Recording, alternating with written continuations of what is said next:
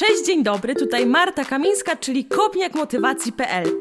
Dzisiaj mam naprawdę wyjątkowego gościa. E, Kasię Linard, czyli Rakieta Kasia. E, tak można znaleźć Kasię na Instagramie. Słuchajcie, Kasia jest niezwykłą osobą, która też ma niezwykłe doświadczenia za sobą. Między innymi takie, że e, kilka lat temu, w styczniu 2017 roku, e, usłyszała diagnozę, że ma nowotwór. I w tym wszystkim, słuchajcie, nie traci nadziei, nie traciła nadziei i dalej nie traci tej nadziei. Jest wyjątkową osobą. Naprawdę mam w sobie mnóstwo ciepła, kiedy myślę o tej rozmowie, bo właśnie taką osobą jest Kasia. Niezwykle ciepłą, pełną nadziei e, i optymizmu, ale też wrażliwości. I myślę sobie, że tej wrażliwości, e, jak nigdy wcześniej, teraz nam bardzo potrzeba. Słuchajcie, to jest naprawdę dobry podcast i mam nadzieję, że właśnie z takim przeświadczeniem będziecie go słuchać. Nagrywałyśmy go z Kasią w październiku zeszłego roku, ale wydaje mi się, że jeszcze nigdy wcześniej a, nie był on tak bardzo aktualny i tak bardzo potrzebny jak teraz, bo wszyscy potrzebujemy nadziei. I tą nadzieję na pewno da nam Kasia w tym podcaście. Miłego słuchania.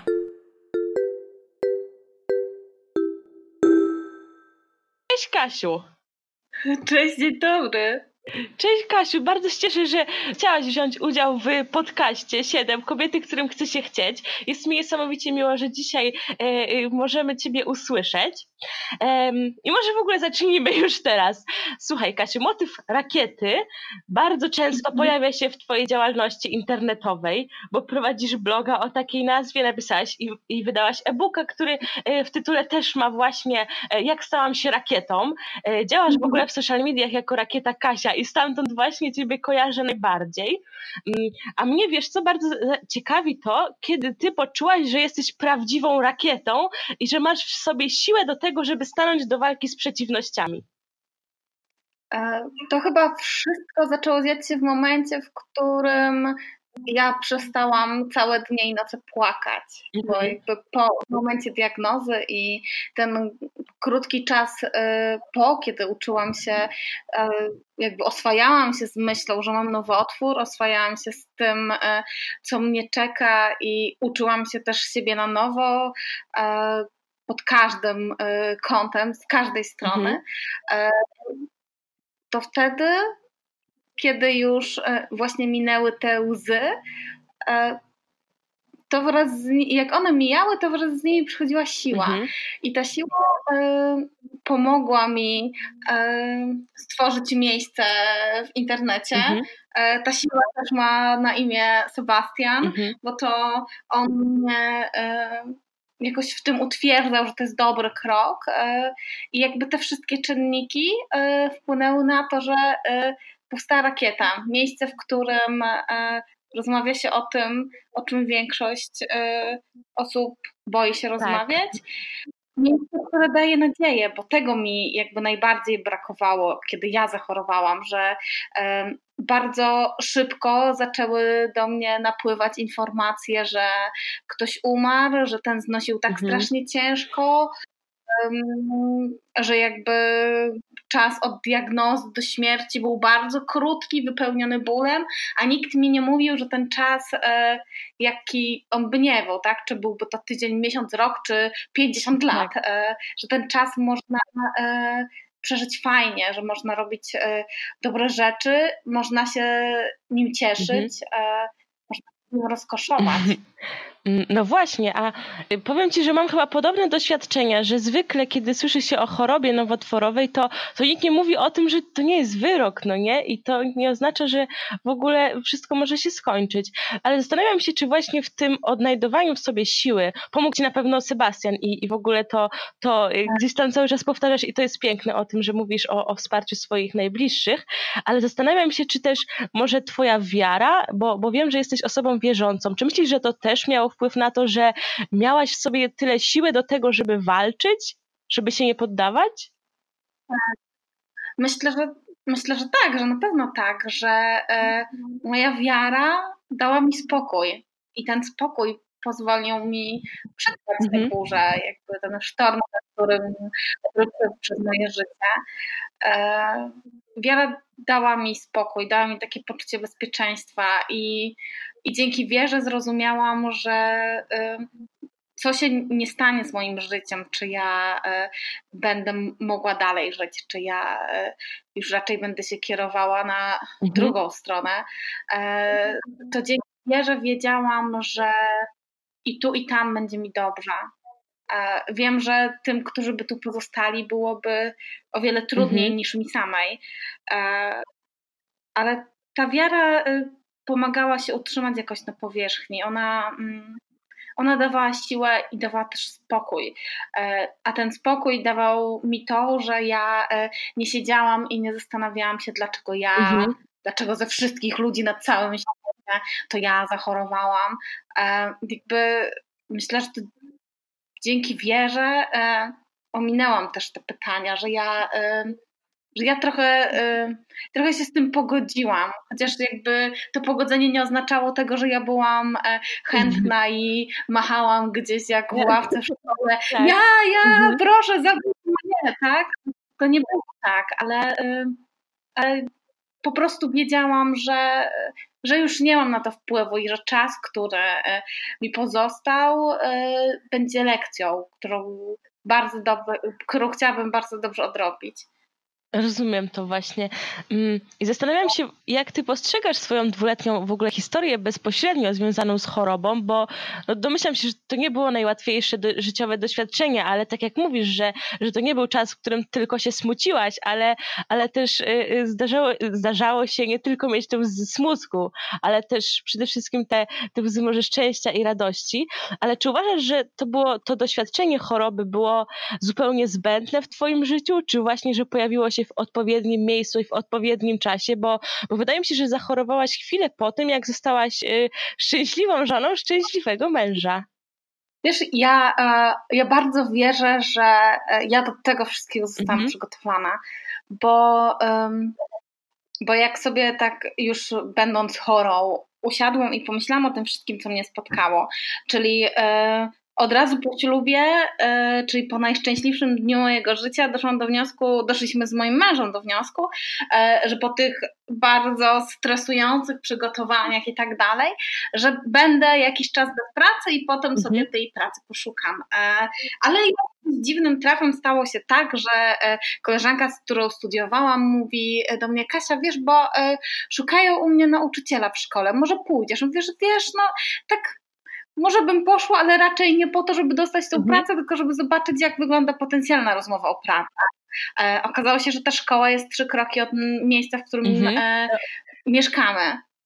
Poszłam na tą rozmowę e, i dzwonię do Seby i mówię, Seba, nie uwierzysz. On mówi, no to jak było, jakie mhm. w ogóle, wiesz, pytania są, jak e, rekrutuje się potencjalnych pracowników, e, potencjalnych nauczycieli. Ja mówię, że e, no do końca nie wiem, jak mam ci to powiedzieć, ale e, ja od poniedziałku zaczynam pracę.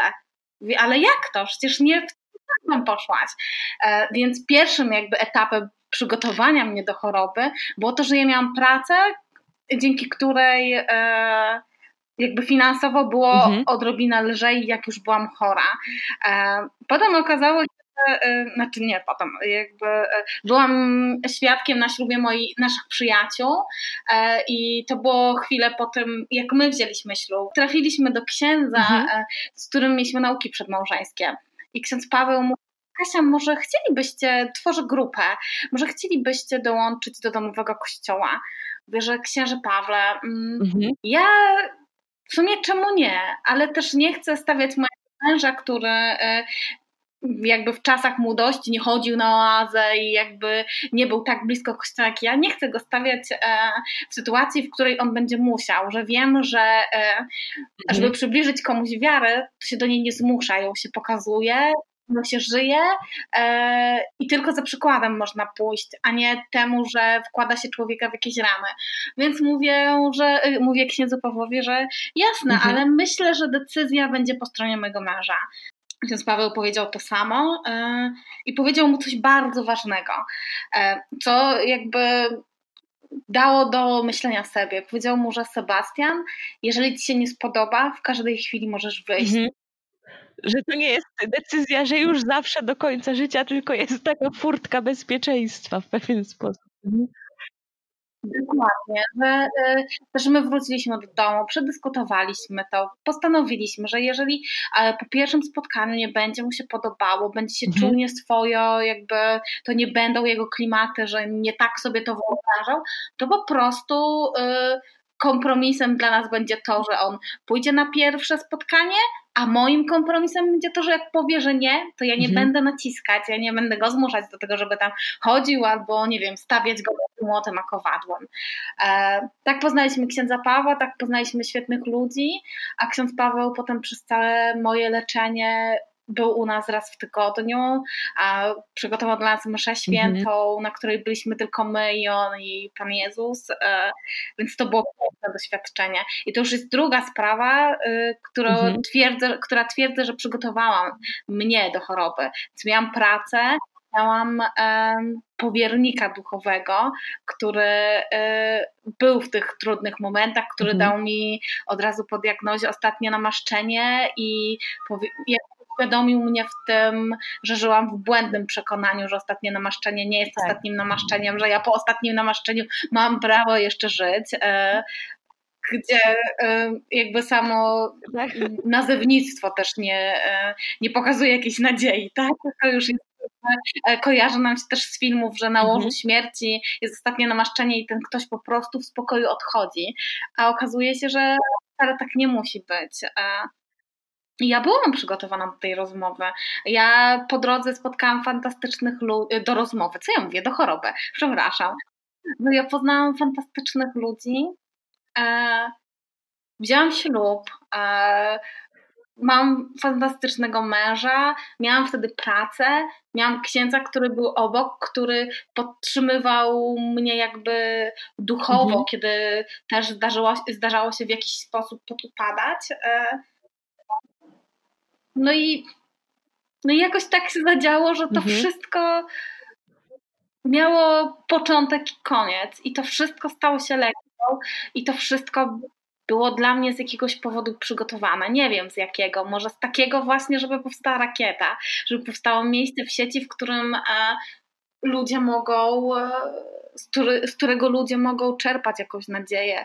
Może po to wszystko właśnie to było. Może po to, żeby um, jakby poznać prawdziwych przyjaciół, żeby mhm. E, zakończyć relacje, do których zakończenia dojrzewało się latami, a, a jakby nie potrafiło się tego zrobić. Może jakby do takiego przefiltrowania życia. Myślę, że na pewno z każdych tych rzeczy, które teraz wymieniłam, jakiś element był właśnie po to. No właśnie to, co mówisz, to trochę mi się kojarzy z takim um, bilans, bilansem zysków i strat i, i być może w ogóle to jest nie na miejscu mówienie o czymś takim, ale, ale zastanawiam mhm. się, czy myślisz, że choroba więcej ci dała, czy, czy więcej ci zabrała? Jeżeli chodzi o mnie, na pewno więcej mi dała. Mhm że ja też nie chcę brzmieć tak, e, że jakby choroba to tylko samo dobro, tak? Że, e, że nic więcej się nie dzieje, że w ogóle nie ma czegoś takiego jak cierpienie, ból i, i wiesz, wszystkie takie e, negatywne aspekty. Mhm. To jest, naprawdę to jest i to jest trudne doświadczenie. Ten ból czasem przeżywacie na wskroś, po prostu łamie każdą cząstkę ciebie, mhm. ale ale to, co się dzieje dobrego dookoła, to pomaga to przetrwać. To daje jakby to dobro, daje siły, żeby każdego dnia próbować na nowo. E, I ja jakby doświadczyłam e, wielu takich trudnych momentów, nieprzyjemnych sytuacji, ale e, to jest też na takiej zasadzie, że jeżeli skupiłabym się tylko na tym, co złe, nigdy nie dostrzegłabym tego, co dzieje się dobre, dobrego. I tak to trochę działa, że yy, gdybym skupiła się na tym, jak jest mi ciężko i w jakiej jestem beznadziejnej sytuacji i dlaczego mnie to spotkało, nie zobaczyłabym yy, wszystkich dobrych uczynków od ludzi, nie zobaczyłabym yy, innych otwartych drzwi i okien, które uruchomiły się w momencie, w którym zamknęły się inne drzwi, że jakbym zamknęła się na tym, jaki wielki był mój ból, to myślę, że ten ból byłby jeszcze większy, dlatego że ja się na nim skupiam, e, a nie daję sobie pozwolenia na to, żeby ucieszyć się z czegoś, tak? mhm. tak? No bo w większości e, nadal jest przeświadczenie, że e, człowiek chory jest smutny, pogrążony w smutku, czekający na chorobę i, i w ogóle taki bez mhm. życia, tak? A... Właśnie, a też jest ciekawe, bo ym, bo wiesz mhm. co, tak sobie zastanawiałam się też nad tym, że zebrałaś spore grono odbiorców, w ogóle czytelników i obserwatorów i, i domyślam się, że to nie było dla ciebie celem samym w sobie, tylko gdzieś tam środkiem do celu, do tego, żeby pokazywać właśnie tą dru drugą stronę choroby, która jest nie tylko cierpieniem, ale też y, gdzieś tam, która nam może coś dać y, dobrego i działasz w social mediach i szczególnie oglądam mhm. Ciebie na Instagramie i zastanawia mnie to, jak się tam odnajdowałaś albo jak się tam odnajdujesz, bo, bo nie wiem jak Ty, ale ja mam takie często poczucie, że na Instagramie nie ma miejsca na smutek, na problemy, na niemoc, nie ma miejsca na chorobę. Wiesz, tam kreowany jest świat, który jest idealny, bezproblemowy, bezstresowy i zastanawia mnie, jak się odnalazłaś tam właśnie z tym trudnym tematem, y, wręcz w ogóle tematem tabu, czyli chorobą nowotworową, o której której mówisz? Wiesz, chyba prawda jest taka, że ja tam się mm, nigdy nie chciałam odnaleźć. Mhm. Że ja tam po prostu chciałam być e, z bagażem moich doświadczeń, e, z tym, że mam prawo e, mieć gorszy dzień i mam prawo po prostu przez jakiś czas na przykład tam nie funkcjonować, mhm. tak? Jak było ostatnio. E, długo mnie tam nie było, tak. ale mm, ja kurczę, Instagram to jest, to jest z jednej strony dobre miejsce, a z drugiej właśnie takie mm, bardzo ciężkie pod tym względem, że, że wartości gdzieś tam nikną, mhm. a, że wartością ciężko jest tam się przebić wśród dokładnie przez e, te wyidealizowane zdjęcia i przez to, że każdy, e, że nikt nie ma złego dnia. E, ja po prostu sobie postanowiłam, że ja tam będę, nawet jeżeli miałabym być dla jednej osoby. W ogóle z tego też powodu powstała rakieta. Nie dlatego, żeby zrzeszać ogrom ludzi i mieć e, nie wiadomo jakie mhm. liczby. Ona powstała po to, żeby móc pomóc chociaż jednej osobie i to będzie sukces, bo to jest e, jedna osoba, której będzie łatwiej e, być mhm. chorym, tak? Być e, w trakcie leczenia. E, tak powstała rakieta i chyba tego się trzymam i będę trzymać, e, że mm, mam wrażenie, że jakby w wielkim cudzysłowie nie wygram z tymi wszystkimi innymi kontami, mhm. ale chociaż raz na jakiś czas wiadomość, że dzięki mnie, dzięki rakiecie, dzięki e-bookowi ktoś e, poukładał sobie to, co się rozsypało, jest już piękną nagrodą. Nagrodą, w sensie nie robię tego dla nagrody, ale e, jakby mhm. pięknym takim podsumowaniem tak. tego, że e, no to, co robię, ma sens, mimo tego, że nie wiem, nie jest na skalę międzynarodową albo nie wiem, jakoś nie wiadomo jak, tak? Że to nie musi być mhm. wielkie, ale myślę, że jak już jedna osoba przełamie się do tego, żeby mówić e, o chorobie nowotworowej, to może ośmieli drugą i taki, taka kula śniegowa trochę, że to tak będzie sobie może powoli, bo powoli e, nabierało mocy, ale że zrobi się razem coś dobrego. I myślę, że właśnie z takim nastawieniem trzeba mówić o nowotworze y, w świecie internetu. Jasne. I, I w ogóle ja bardzo, bardzo bym chciała, żeby to było właśnie tak, jak mówisz, że y, po prostu kula śniegowa, która gdzieś tam. Mm, mówi o tym, że nie jest zawsze łatwo, ale że, że to, że nie jest łatwo, nie oznacza, że jest gorzej, nie? bo czasem jest to, jest to lepiej, bo zaczynamy doceniać rzeczy, których do tej pory nie docenialiśmy. Ale chciałabym jeszcze Ciebie o to zapytać. Jak myślisz, dlaczego tak łatwo jest nam zbywać trudne tematy. Dlaczego nie lubimy rozmawiać o chorobie, o smutku, o cierpieniu, o śmierci? Dlaczego tak jest? Jak myślisz? Bo nikt nas tego nie uczy, mhm. bo, e, bo łatwiej jest przemilczeć niż e, podjąć temat, bo łatwiej jest zmieniać cały świat, a nie mhm. zmieniać siebie, bo łatwiej jest wytykać innym czyjeś błędy, nie widząc swoich. My trochę jesteśmy tacy, jakby nie chcę generalizować, ale e, wielu z nas jest taki egocentryzm, może my, mhm. my, my, a rozmawianie o chorobie nowotworowej to nie jest my, to jest jakby to nie my jesteśmy y, najważniejsi. W sensie, mhm. kurczę, zaplątałam się. Ale chodzi mi o to, że kiedy skupiamy się tylko na sobie i na tym, jak e, nam jest źle, nam jest ciężko, albo nam jest dobrze i nam jest najlepiej, to nie chcemy widzieć tak. niektórych rzeczy. Nie chcemy widzieć tego, co może nas w naszym e, jakby idealnym mhm. świecie, tak? Nie chcemy e, dokładać sobie w cudzysłowie trosk, bo to nas nie dotyczy. I dopiero kiedy kogoś bliskiego zacznie dotyczyć ten temat, to e, niektórzy podejmują rozmowę, tak? Ale często dzieje się tak, że jesteśmy po prostu obok. Tak. Bo tak jest łatwiej, bo mhm. niestety tak jest łatwiej, tak? Bo bo wolimy żyć właśnie w takich bańkach. I, I po prostu nie, i mamy wrażenie, że w ogóle jaka choroba, jaka śmierć, przecież nas nie dotyczy, bo, bo, bo w mojej bańce, w moim otoczeniu nic takiego się nie dzieje, a, a gdzieś tam nie mamy tej otwartości na to, czy, czy pragnienia serca w ogóle na to, żeby się otworzyć, na to, że, że innym może być trudno i że, i że właśnie warto zastanowić się, co my możemy zrobić, albo w ogóle podjąć w ogóle rozmowę z, z taką osobą.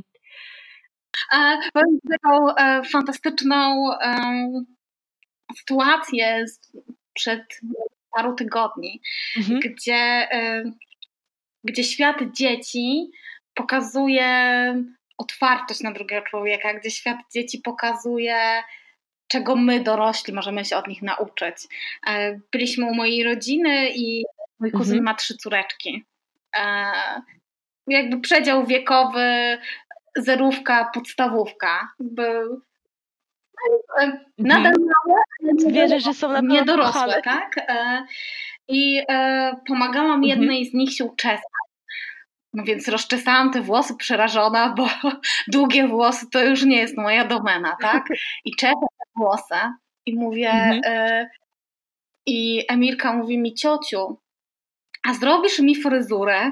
Więc ja jeszcze bardziej przerażona mówię, Emilko, ciocia to ma taki problem, że ma teraz krótkie włosy, e, nie potrafi e, zbytnio tej fryzury ogarnąć e, i że tak może poprosimy mamę, wiesz, chciałam uciec. I mówię, że teraz mhm. mam włosy, jakiś czas temu, jak dobrze pamiętasz, ich nie miałam, i tak wypadłam jakby z wprawy czesania. I ona się na mnie, do mnie odwraca, patrzy tymi słodkimi, małymi ślepiątkami i mówi, wiem ciociu, bo ty byłaś łysa, bo miałaś nowotwór i mnie przytuliła. Wiesz, mm. mnie to rozłożyło na kawałki, mm. bo e, dorośli nie potrafią zachowywać.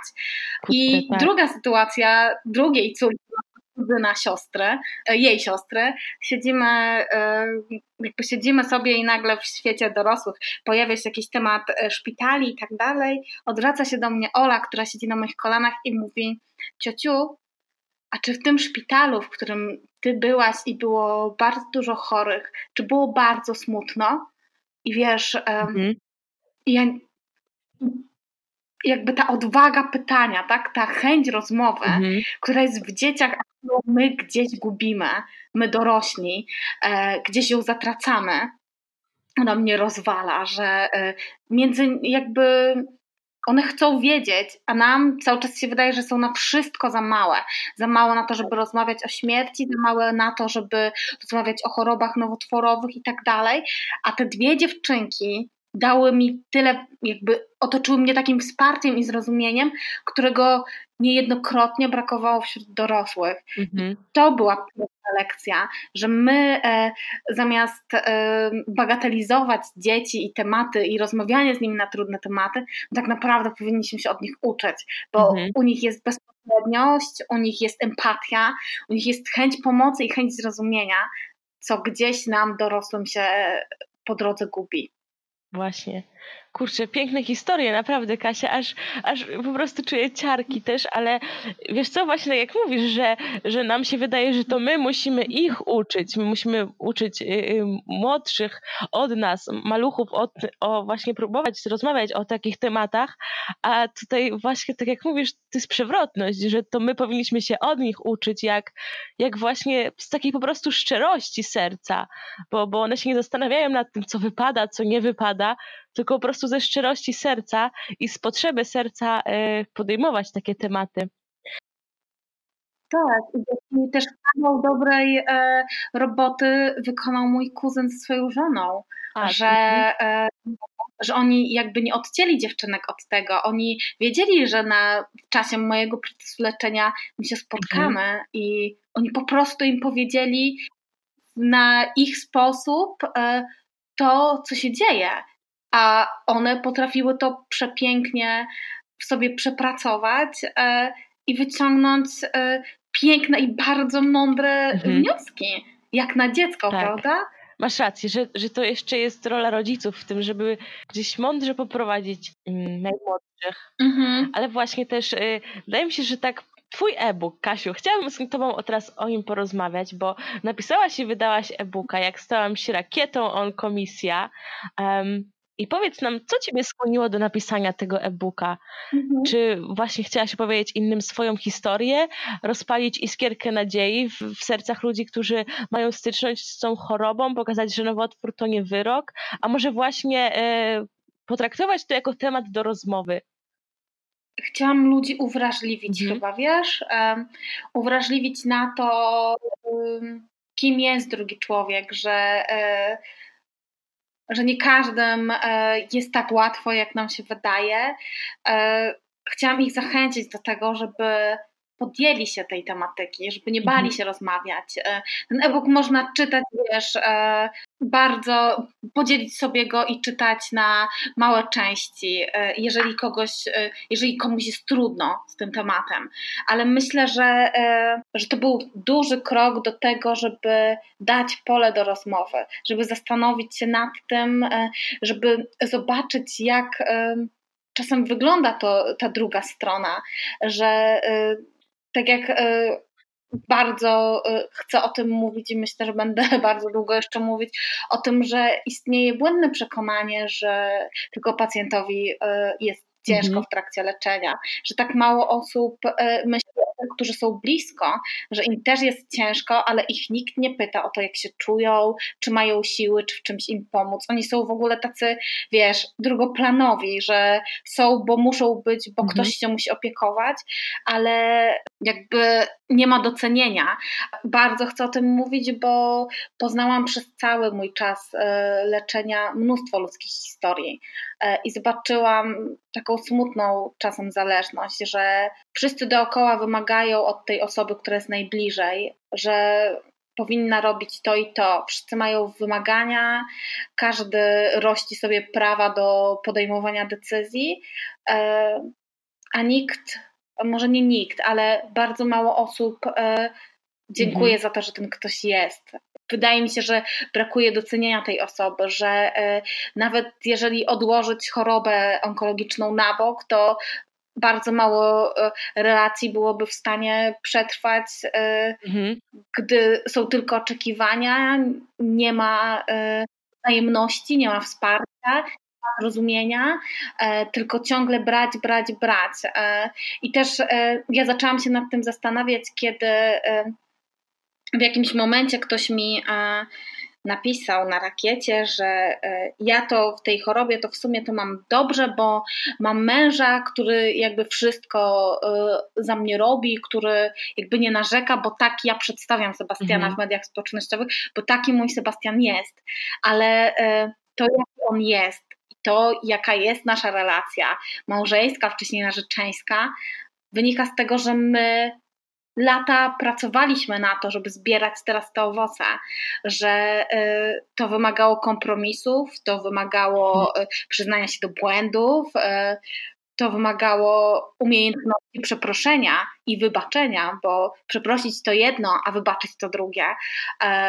I wtedy mnie to tak bardzo uderzyło, że wiesz, że na przykład rozpadają się jakieś związki przez chorobę, ale myślę, że choroba jest elementem, ale często nie jest tą kwestią decydującą, że to, że to właśnie taki brak zdrowych relacji trochę wpływa też e, na to, że ludzie się rozchodzą. Że już dla mnie nie jest takie czarno-białe, że nie wiem, ktoś mówi, ale dana osoba jest e, niefajna, mhm. E, bardzo delikatnie mówiąc, bo odeszła, bo zostawiła kogoś, kto był chorobie. Ale jakbyśmy wejrzeli na to, jaka była ta relacja, jak to wyglądało, to może to wcale nie byłoby takie oczywiste. Ja wiem, e, jak momentami ja się bardzo niefajnie zachowywałam względem mojego męża. I myślę, że gdybym e, nie potrafiła przyznać się do błędu i mhm. nie przeprosiła, to różnie mogłaby się nasza relacja potoczyć, jakby zakończyć, tak? Jeżeli ja ciągle bym mówiła mu, masz robić to, masz robić tam, to jesteś beznadziejny, boli mnie, nic mi nie pomagasz, nie rozumiesz mnie i tak dalej. Jeżeli bym tylko przez, nie wiem, rok leczenia taką informację dawała mojemu mężowi, to myślę, że bardzo łatwo można byłoby się w tym wszystkim załamać. Bardzo łatwo. Yy, można byłoby podciąć skrzydła i doprowadzić do tego, mhm. że ta relacja stawałaby się coraz bardziej oziębła, oziębła, oziębła i w końcu zostałby tylko lód, że to, mm, że to jest ciągła praca i choroba nie zwalnia z tego, żeby pracować nad związkiem. E, to, jest, to są trudniejsze tematy do przepracowania, to są trudniejsze sytuacje, ale jakby trochę myślę, że nie ma takiej taryfy ulgowej na to, że e, zachowałam się mhm.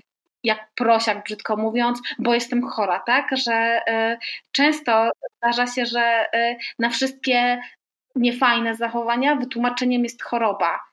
A to choroba mhm. nie jest wytłumaczeniem, tak? Dla mnie. Dla mnie choroba y, jest stanem, etapem życia, ale nie wytłumaczeniem na to, żeby być e, oziębłym, żeby być, e, żeby być takim nieludzkim momentami. Mhm. Wiesz co, Kasiu, to jest w ogóle coś niesamowicie ważnego, na co zwróciłaś uwagę, że że właśnie często, tak jak mówisz, te osoby, które odchodzą, powiedzmy właśnie gdzieś tam w, w, związku, gdzie jedna osoba ciężko zachoruje i, i druga osoba nie jest w stanie po prostu wytrzymać z tą osobą, nie dlatego, że jest chora i, i musi gdzieś tam pomagać tej osobie, co jest zrozumiałe, um, ale dlatego, że właśnie ta osoba po prostu skupia się tak bardzo na sobie i na swoim cierpieniu, że, że nie jest w stanie okazać empatii i zrozumienia tej drugiej osobie, że, że nie tylko e, chorującej osobie jest, jest źle, jest ciężko, ale osobie, która wspiera, e, wspiera tą chorującą osobę, też może być równie ciężko, a czasem nawet ciężej, bo, bo tam wiele różnych obowiązków przechodzi wówczas na tą osobę. I, I to jest, wiesz co, myślę, że to trzeba mieć naprawdę duże pokłady empatii w sobie i, i w ogóle przepracować mnóstwo tematów, tak jak, tak jak ty mówisz, żeby, żeby móc coś takiego osiągnąć. Ale wierzę, że teraz w ogóle wasza relacja z Sebastianem jest jest naprawdę niezniszczalna. Masz też takie może poczucie, że, że takie jest trochę? Trochę tak, chociaż trochę też mnie to martwi, bo wiesz, e, pracować nad sobą i nad związkiem trzeba mhm. ciągle. E, e, I myślę, że gdybyśmy teraz pomyśleli, że o jeden nic nas już nie rozdzieli, nic nas nie zabije, to myślę, że wyrządzilibyśmy sobie w tym mhm. momencie największą krzywdę. Takie jakbyśmy spoczęli na laurach, nie? Że teraz to już nic nas nie złamie, że teraz to już co życie nam przyniesie, to ze wszystkim sobie poradzimy, a to, to tak nie działa. E, to byłoby myślę, że bardzo wygodne, gdyby e, nie trzeba było nic, ale ciągle trzeba, każdego dnia e, jakby próbować coś w sobie zmienić, starać się, nawet z takich małych rzeczy. Jakby przez trochę przez zmianę siebie widać to, że że się chce, że ta miłość też trochę mhm. przez to przemawia, że, że chcesz coś zmienić, bo kochasz, bo wiesz, że y, dzięki temu może być lepiej. Mhm. Wiesz co, takie, teraz takie słowo mam w głowie od, od kilku minut i to jest słowo pokora, że, że choroba chyba uczy pokory ogromnej do życia. Aha, mnie bardzo tego nauczyła. Wierzę, wierzę w to na pewno jest takie, taki fajny cytat, że kochaj się w pokorze, ćwicz się pokorze dzięki niej wszędzie będziesz bezpieczny. Myślę sobie, że, że to jakby w tym, w tych okolicznościach nabiera jeszcze, jeszcze mocniejszego gdzieś tam mm, znaczenia. Mhm. Tak, właśnie. Dziękuję, Kasiu. Mm, a właśnie, mówisz, że, że e-book to nie jest tylko lektura dla tych, którzy przebywają chorobę onkologiczną, ale też dla tych, którzy są bliskimi osób chorujących na nowotwór. I ja się cieszę, że powstała właśnie Twoja książka. I żałuję, bardzo żałuję, że jeszcze jej nie przeczytałam, ale na pewno to jeszcze uczynię. Mm, i też właśnie chcę to zrobić dlatego, że, że kilka lat temu bliska mi osoba, ale też bliscy moich przyjaciół po prostu zachorowali na nowotwór i, i wiesz co, Kasiu, ja nie wiedziałam, jak mam się zachować w takiej nowej sytuacji, co powiedzieć takiej osobie, jak wesprzeć? I zastanawiałam się, czy wiesz, czy lepiej okazywać komuś ogromną troskę, wręcz nadmierną troskę, czy, czy może przeciwnie, udawać, że, że nic się nie stało. I jestem ciekawa, z jakimi reakcjami bliskich ty się spotykałaś ze wszystkimi. Prawda jest taka, ze wszystkimi, bo, e, bo każdy jest inny. Każdy sobie inaczej radzi, e, każdy inaczej okazuje miłość, każdy inaczej okazuje wsparcie. E, dla każdego co innego jest ważne.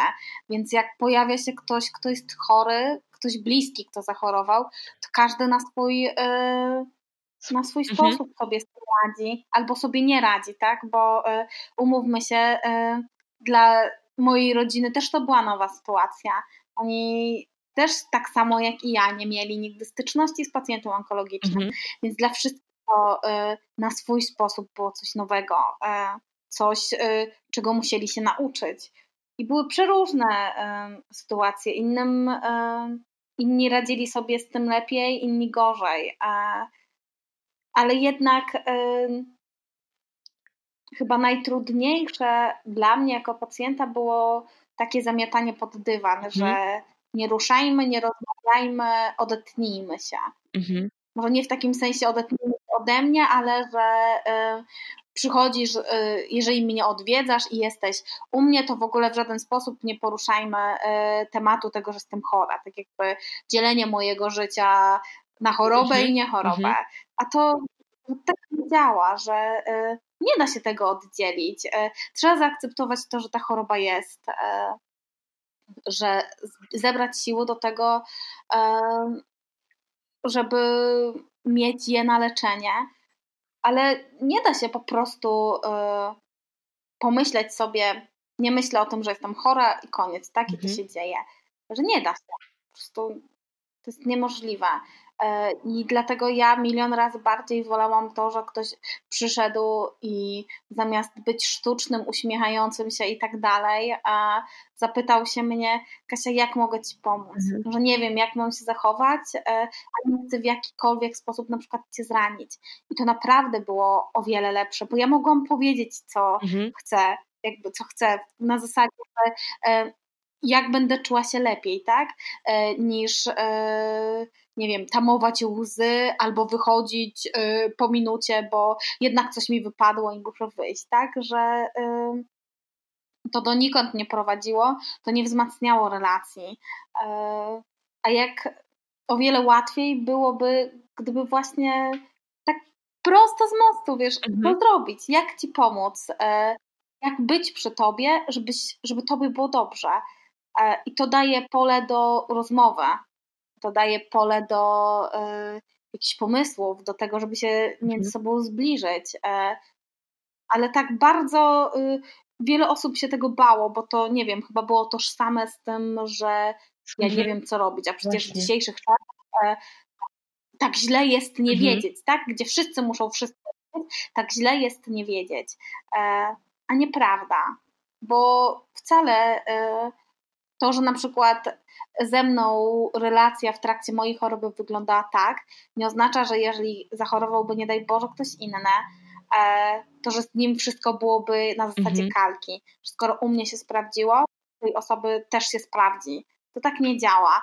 To każdy jest inny e, i z każdym e, trzeba po prostu o tym porozmawiać. I dzięki temu będzie się wiedziało, co można robić i jak robić. Właśnie, że po prostu rozwiązanie, tak jak mówisz, jest w ogóle tak blisko, nie? To jest rozmowa po prostu. I, i właśnie, i, i to jest to, że, że nie musimy wiedzieć właśnie, jak się zachować w takiej sytuacji, ale, um, ale po prostu wystarczy porozmawiać o tym i, i powiedzieć, że nie wiemy za bardzo, jak pomóc i, i jak ty to widzisz, no nie? Co, co byłoby dla ciebie mhm. dobre, właśnie ale też możemy dowiedzieć się więcej właśnie z Twojego e-booka i, i też bardzo zachęcam do tego, żebyśmy przeczytali go w ogóle. Ja zacznę, zacznijmy od siebie, ja zacznę czytać go. Mm, Kasiu, wiesz co? Też um, zorganizowałaś rok temu po raz pierwszy warsztaty szycia dla osób w trakcie leczenia onkologicznego lub po leczeniu onkologicznym. Mm, zastanawiam się, skąd właściwie pojawił się w Twojej głowie pomysł zorganizowania takich warsztatów. Dlaczego chciałaś zorganizować warsztaty dla osób dotkniętych y, y, właśnie chorobą? Bo trochę mi tego yy, brakowało. Mhm. W sensie były różne akcje, nawet na niektórych ja byłam, i będąc na nich wyciągałam swoje jakby osobiste wnioski. E, widziałam, co mi się podoba, wiedziałam, e, co mi się nie podoba, e, wiedziałam, co mnie raziło do tego stopnia, że na przykład nie chciałam wracać na kolejne, bo nie potrafiłam sobie z czymś poradzić. E, I pomyślałam sobie wtedy, że, że jeżeli ja bym stworzyła jakieś warsztaty, to jako będąc też jako pacjent, to łatwiej byłoby mi jakby brzydko to zabrzmi, ale sterować, w sensie, że jeżeli pojawiłoby się coś, co e, mogłoby mnie urazić, że starałabym się to mhm. uciąć. E, jeżeli, nie wiem, rozmowy w trakcie tych warsztatów przechodziłyby na złe strony, to że ja byłabym takim trochę stróżem mhm. panującym nad nad tym, żeby, e, nie wiem, nie straszyć się, nie nakręcać się niepotrzebnie nawzajem. I pomyślałam sobie, że, że może właśnie w tym się sprawdzę, i tak powstały warsztaty i tak e, mam nadzieję, że będą jeszcze powstawały, bo e, jest parę innych pomysłów. I one powstały z potrzeby serca po to, żeby stworzyć też taką trochę grupę mhm. wsparcia dla siebie, bo można od siebie e, naprawdę wiele czerpać, można dzielić się swoim doświadczeniem i można być taką podporą, każdy dla siebie i to będzie, wiesz, takie trochę mhm. terapeutyczne, że jeden pacjent da drugiemu pacjentowi i z tego czerpie i jeden, i drugi. I to jest dla mnie piękne i taką ideę właśnie chciałam wprowadzać na tych e, warsztatach, żeby być e, razem, żeby wiedzieć, że można na sobie polegać, żeby poczuć taką mhm. trochę wspólnotę, że choroba onkologiczna e, nie zamyka w domu, że można z chorobą żyć że można się spotykać, że można y, próbować nowych rzeczy i się rozwijać. Tak piękna inicjatywa, wiesz? A też mówisz o, o tym, że żeby właśnie żyć, no nie? W ogóle, żeby żyć na maksa i wydaje mi się, że, że takim twoim życiem na maksa jest, jest w ogóle e, twoja wędrówka na, e, na, na Camino. W zeszłym roku chyba to było, prawda? Razem z Sebastianem wybraliście tak. się na, na niezwykły pielgrzymi szlak świętego Jakuba prowadzący do Santiago de Compostela. E, kiedy w twoim sercu zrodziło się pragnienie takiej wędrówki? Ja bardzo długo już o tym myślałam, mhm. jeszcze przed chorobą. E, jakby takim moim marzeniem było to, że chciałabym tam dojść, że chciałabym e, wędrować, poznawać swoje słabości i też swoje mocne strony i być po prostu razem we dwójkę w takich e, jakby trudnych mhm. okolicznościach, tak? W których e, nie wiadomo, jak pod wpływem różnych sytuacji człowiek się zachowa. E, okazało się, że zachorowałam, więc to się wszystko odłożyło w czasie, mhm. ale udało się. Była nasza e, druga rocznica ślubu, kiedy my poszliśmy do, na Camino. I jak już się tam idzie, to się chce wracać. Ja mam wielką nadzieję, że za rok pójdziemy inną trasą, trochę dłuższą, trochę mhm. bardziej wymagającą, ale że jeszcze to zrobimy, że jakby to jest nie do opisania, to jest naprawdę e, piękne, jak e, jacy my, o ile mocniejsi my wyszliśmy z tego, o ile mocniejsi my wróciliśmy jako związkowo, e, i ile mamy pięknych wspomnień z tym związanych, ile ludzi poznaliśmy, totalnie obcych, którzy dali nam, którzy pomagali nam e, nieść mhm. plecaki albo namiot, bo ja już nie miałam siły, a Sebastian niósł wszystko. Zrodziły się piękne przyjaźnie. E, naprawdę, tyle cudownych e, rzeczy się tam wydarzyło, że na samo wspomnienie chce się spakować, rzucić wszystko i iść po prostu iść, e, cieszyć się z tym, jakby wiesz, tam okazuje się, że ty nie potrzebujesz tego wszystkiego, co masz w domu, a będąc tak. w domu ciągle wydaje ci się, że potrzebujesz jeszcze tego i tamtego, mhm. że z tym byłoby ci lepiej, a z tym wygodniej. A idziesz tam i okazuje się, że wystarczy ci woda, coś mhm. do picia i dach nad głową. Woda, coś do picia, coś do zjedzenia, e, dach nad głową i nic więcej, tak? Że y, że to wszystko, materi- te wszystkie materialne rzeczy tracą na wartości. W ogóle okazuje się, że w sumie nie są mhm. chyba żadną wartością, że yy, naprawdę coś cudownego, chociaż mhm. ciężkiego. Jak sobie przypomnę te wszystkie e, trudniejsze momenty i tak dalej, teraz się trochę z tego śmieję, ale wtedy mi do śmiechu nie było, a, a mówisz o, o, różnych przyjaźniach, które powstały wtedy e, i, i powiedz nam w ogóle więcej, może coś jeszcze o, o, o, tej waszej wędrówce, bo ja jestem bardzo ciekawa i gdzieś tam powiem ci, że, że w moim sercu też jest takie pragnienie i zastanawiam się, czy po prostu tego nie zrobić. Mm. Jak to mówią, na się nie zastanawia, jak Kamino się robi. Mhm. Chyba, chyba tak trzeba będzie y, y, y, gdzieś tam to zaplanować, ale z jakiego miejsca się wybraliście? Na przykład takie wskazówki dla osoby, która tak jak ja myśli o tym, to, to z jakiego miejsca się wybraliście i, i w ogóle jak wyglądało wasze pielgrzymowanie? Ile dni minęło, nim dotarliście do Santiago? My ruszyliśmy z Porto. Mhm. Najśmieszniejsze jest, jakby jedna, bo mówiliśmy przed chwilą o przyjaźniach, to tak. jedn, w sumie dwie przyjaźnie, bo to um, Ela i e, one już, Ela i Natalia już wcześniej się przyjaźniły, one poszły razem mhm. i śmiejemy się teraz, bo jak się spotkaliśmy później, e, to okazało się tak, że e, jak, jak już stoisz e, do odprawy, to widzisz, my widzieliśmy chyba trzy osoby, które miały muszle. Muszla jest jakby znakiem wędrówki, tak. jakby znakiem kamino, więc już wiedzieliśmy, że ktoś oprócz nas też idzie. Poza mhm. tym ci, którzy byli potencjalnymi kandydatami do przejścia na kamino, mieli plecaki, śpiwory i karimaty. A okazało się, że Natalia i Ela zobaczyły nas na e, lotnisku w Warszawie i doszły do wniosku, że jeżeli my z naszymi bagażami olbrzymimi przejdziemy odprawę na bagaż ręczny, to każdy przejdzie po czasie się okazało, że e, mieli niektórzy z nas niezły ubaw. E, okazało się, że my przeszliśmy, więc one też przeszły. Mhm. Potem spotkałyśmy się pierwszego dnia, nie wiedząc, że one nas znają z lotniska. Spotkaliśmy się w pierwszej alberdze, czyli jakby w pierwszym takim schronisku. Mhm.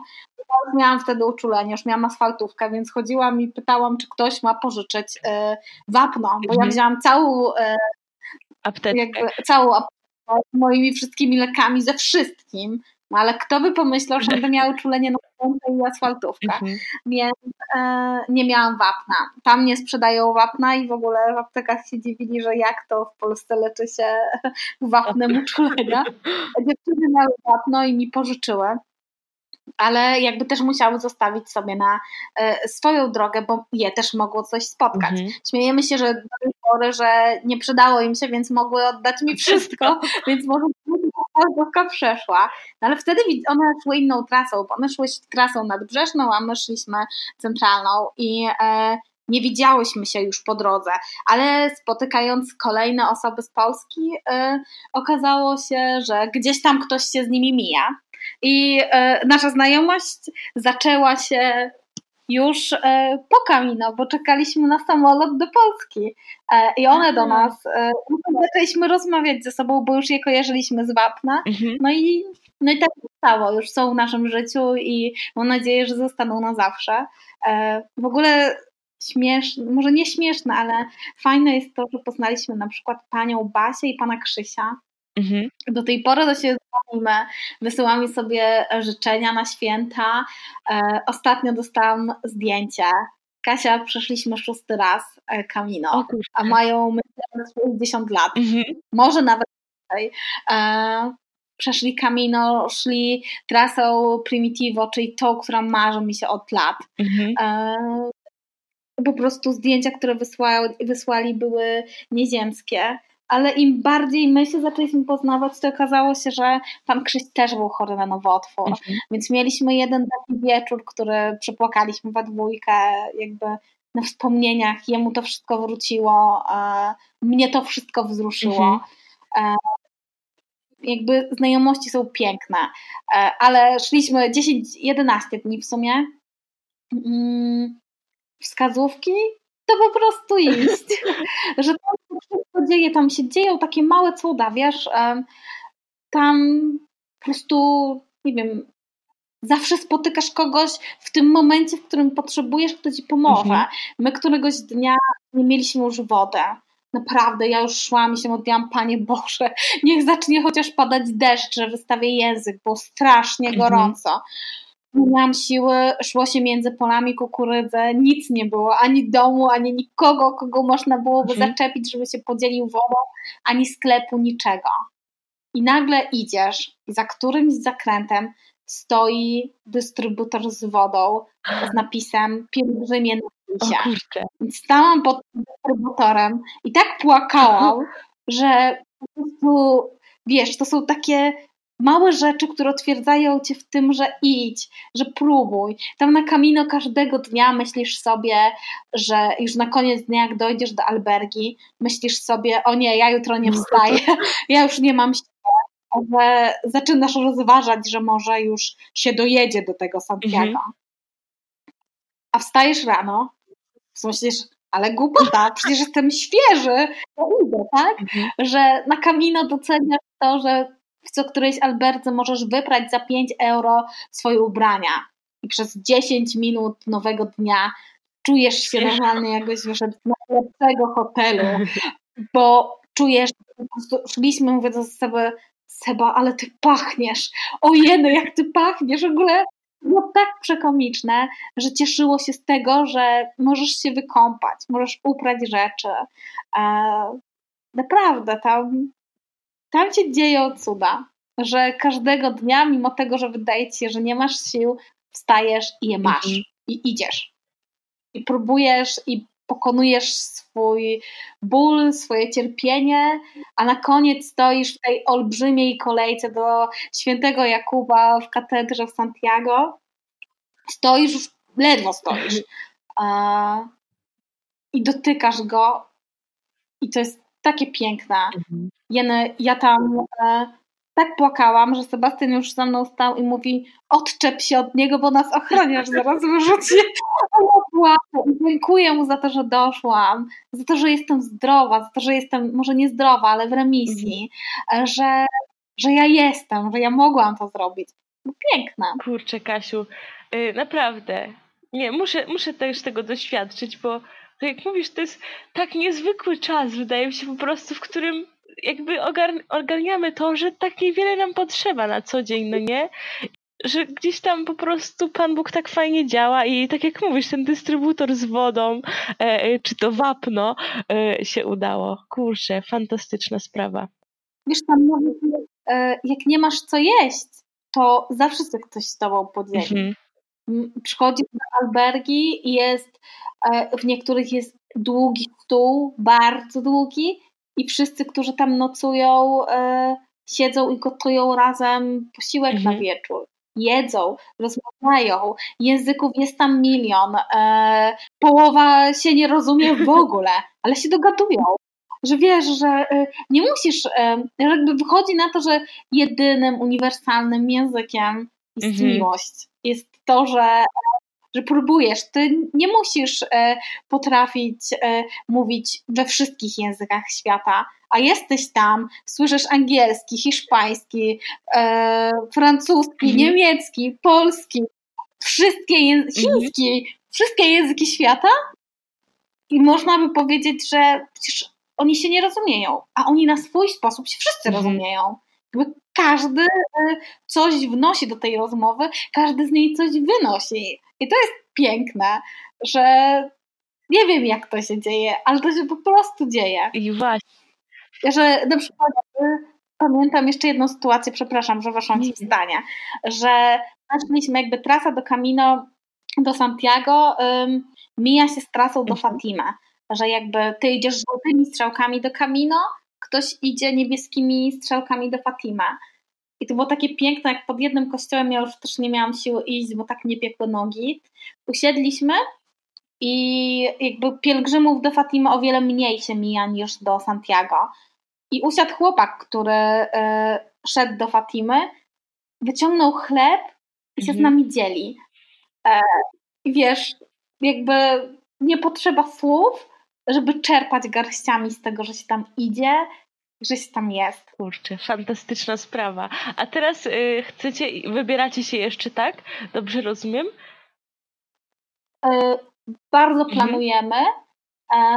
w przyszłym roku pójść, bo ogólnie u nas to funkcjonuje tak, że żeby było sprawiedliwie, to jednego roku ja wybieram wakacje, a, a drugiego roku Sebastian. Okay. Każdego roku ktoś z nas spełnia swoje marzenie i jakby nie musimy tutaj e, ustępować, tak, że ja poznaję to, co sprawia sobie radość, on poznaje to, czego, co sprawia mhm. mi radość.